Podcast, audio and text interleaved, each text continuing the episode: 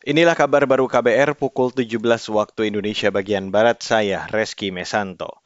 Saudara, pemerintah akan mengenjot penyaluran bantuan langsung tunai atau BLT dalam 1-2 hari ke depan. Menteri Koordinator Bidang Perekonomian Erlangga Tarto mengatakan, Penyaluran BLT dipercepat salah satunya untuk mengurangi kemiskinan ekstrim. Penyaluran BLT akan dilakukan sebelum Survei Sosial Ekonomi Nasional atau SUSENAS yang akan dimulai pekan depan. Bapak Presiden yakin program itu dilanjutkan di tahun ini, terutama dengan target berbeda.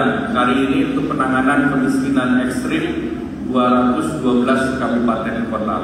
Kita ketahui di tahun ini akan ada SUSENAS kemiskinan yang akan dimulai tanggal 7 Maret. Oleh karena itu kami berharap bahwa bantuan langsung tunai ini bisa diserahkan dalam satu dua hari ini ke masyarakat yang membutuhkan. Menko Perekonomian Erlangga Tarto mengatakan pemerintah menargetkan bisa menurunkan tingkat kemiskinan ekstrim tahun ini sekitar 3 persen hingga 3,5 persen dan kemiskinan turun 8,5 hingga 9 persen.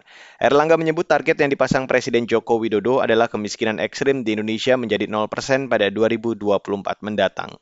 Beralih ke berita selanjutnya, Saudara.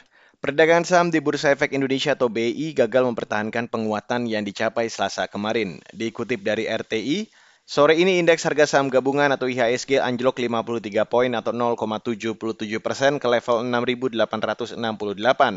Padahal sehari sebelumnya IHSG ditutup di level 6.921 yang merupakan posisi tertinggi sepanjang masa.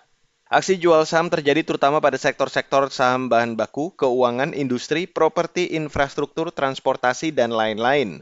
Sedangkan saham menguat rata-rata pada sektor non-cyclical, kesehatan, dan energi. Pelemahan saham juga terjadi di semua bursa utama Asia lainnya, sementara itu rupiah diperdagangkan di level 14.333 rupiah per 1 dolar Amerika Serikat.